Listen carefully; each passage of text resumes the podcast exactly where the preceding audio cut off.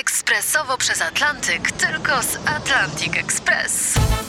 Z nami wyślesz co chcesz, kiedy chcesz, do kogo chcesz i to o 40% taniej. W Atlantic Express wysyłamy wszystko. 1 800 775 7363. Mienie przesiedleńcze, kontenery, paczki do Europy.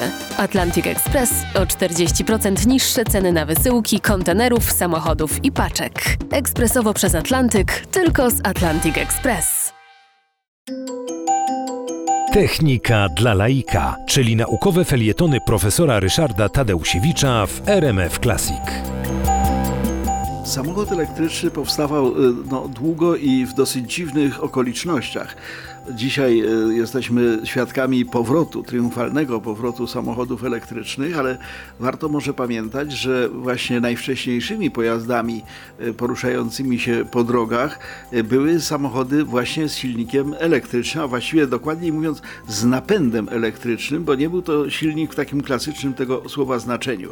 Ale może zacznijmy od samego początku.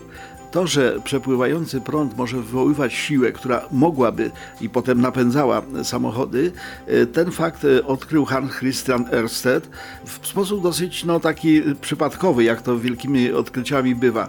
Mianowicie w momencie, kiedy eksperymentował z prądem, przewodnik z tym prądem był w pobliżu busoli, w pobliżu kompasu. I giełka tego kompasu się odchyliła. Ørsted doszedł do wniosku, że prąd wywołuje jakąś siłę i zaczął to badać. Okazało się, że oczywiście siła, która była potrzebna do odchylenia igiełki kompasu była bardzo mała, nie, nie wystarczyłaby do napędu absolutnie niczego, ale w 1825 roku, a więc 5 lat później, e, William Sturgeon e, zbudował elektromagnes. To znaczy zamiast jednego przewodu nawinął tego przewodu dużo, co więcej nawinął to na rdzeń żelazny i wobec tego to bardzo mocno przyciągało. Stosowano te elektromagnesy do przenoszenia różnego rodzaju ciężkich przedmiotów. E, Thomas Davenport w 1834 roku zainspirował się tym przyciąganiem magnesu, e, bo zainteresowało go to, wizytował fabrykę, w której taki magnes pracował i przypomniało mu to, że w samochodach, a właściwie no, w pojazdach parowych, bo były takie, no i w lokomotywach, e, para przesuwa tłok do przodu i do tyłu, do przodu i do tyłu. Ten ruch posuwisto-zwrotny zamienia się potem na obrotowy ruch kół. Thomas Davenport spróbował to samo wymusić elektromagnesami. Jeden elektromagnes ciągnął w jedną stronę, drugi w drugą, poruszało się to. Okazało się, że to może działać jako, jako silnik.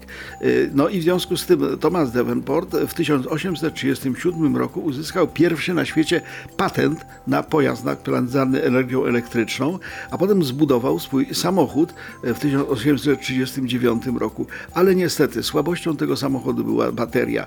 Żeby jechać, trzeba było wsadzić do tego baterię, taką ogniwo volty o wadze 43 kg. To jednak było niepraktyczne.